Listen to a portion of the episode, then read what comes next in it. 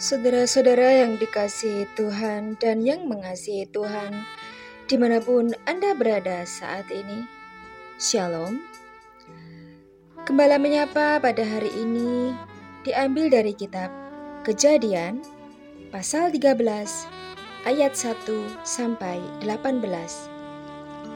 Dan bacaan renungan pada hari ini diberi judul Ketika Harus Memilih. Tergiur dengan posisi, gaji, serta fasilitas yang lebih tinggi, seorang teman, sebut saja A, memutuskan untuk meninggalkan perusahaan tempatnya bekerja. Sesungguhnya, posisi, gaji, dan fasilitas yang diterima oleh A di tempat kerja lama cukup baik. Tetapi, seperti kata pepatah, bahwa rumput di halaman tetangga selalu lebih hijau dibandingkan di pekarangan sendiri. A memilih untuk meninggalkan kantornya yang lama. Beberapa teman lainnya telah memperingatkan A bahwa kondisi di kantor yang baru, sebut saja PT X, sesungguhnya tidaklah seindah yang dibayangkan. Tetapi A tetap kukuh pada pendiriannya pada masa-masa kerja di PT X menjadi masa yang berat dan penuh tekanan bagi A yang mempengaruhi kondisi fisik dan juga kualitas hubungan A dengan keluarga dan Tuhan. A harus berhadapan dengan tuntunan manajemen yang begitu tinggi. Manajemen yang harus ditaati.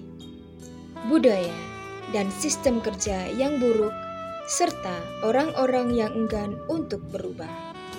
Tidak tahan dengan kondisi kerja di PT X, A memutuskan untuk mencari pekerjaan baru setelah bergabung setahun. Kemudian, hal yang sama terjadi pada Lot ketika memilih tempat di mana ia dan keluarganya akan bermukim. Seperti A, yang mendasarkan pilihannya hanya atas materi, yaitu posisi, gaji, dan fasilitas. Lot tampaknya hanya mengandalkan pandangan metafisiknya dalam memilih. Lot melayangkan pandangannya dan dilihatnya bahwa seluruh lembah Yoran banyak airnya. Seperti taman Tuhan seperti tanah Mesir sampai ke Zoar.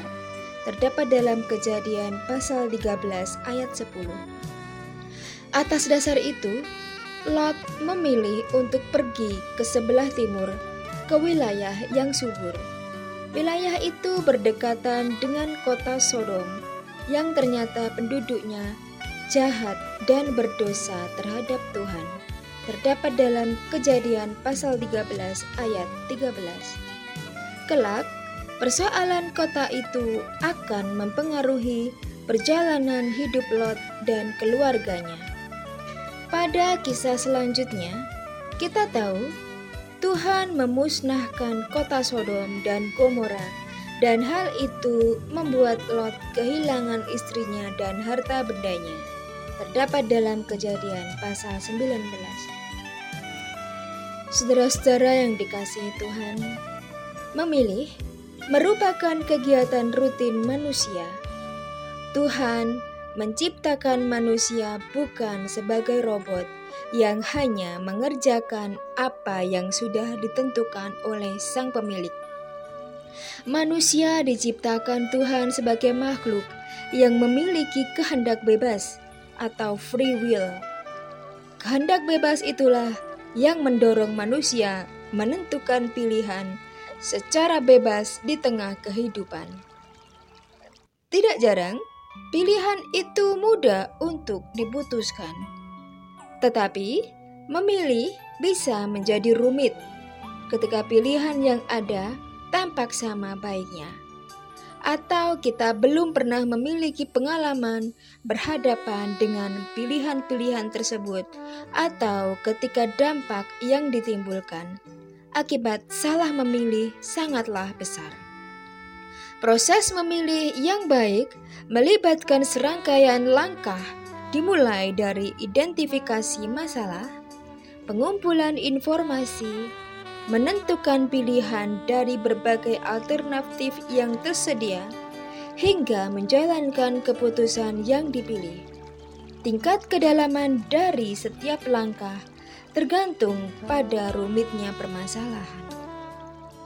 Cara terbaik untuk memilih adalah melibatkan Tuhan dalam setiap langkah pemilihan. Terdapat dalam Yakobus pasal 4 ayat 13 dan 15 yang demikian firman Tuhan.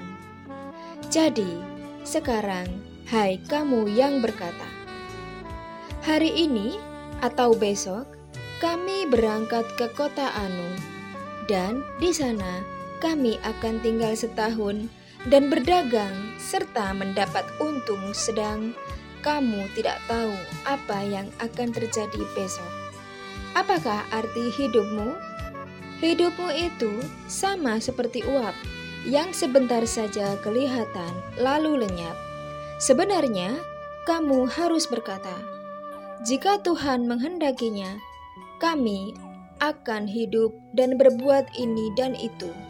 Dengan demikian, relasi yang akrab dengan Tuhan menjadi sangat penting. Melalui hubungan baik dengan Tuhan, kita akan mendapatkan hikmatnya memampukan kita dalam memilih yang terbaik. Melibatkan Tuhan berarti senantiasa memulai proses memilih dengan pencarian kehendak Allah. Melibatkan Tuhan memampukan kita melihat proses pemilihan secara utuh. Tidak hanya mengandalkan kriteria materi atau jasmani seperti pada kasus A dan Lot di atas dan bukan semata-mata untuk kepentingan diri sendiri, tetapi juga untuk kemuliaan Tuhan. Demikian sabda renungan Kebala menyapa pada hari ini. Selamat beraktivitas, Tuhan Yesus memberkati kita semua. Amin.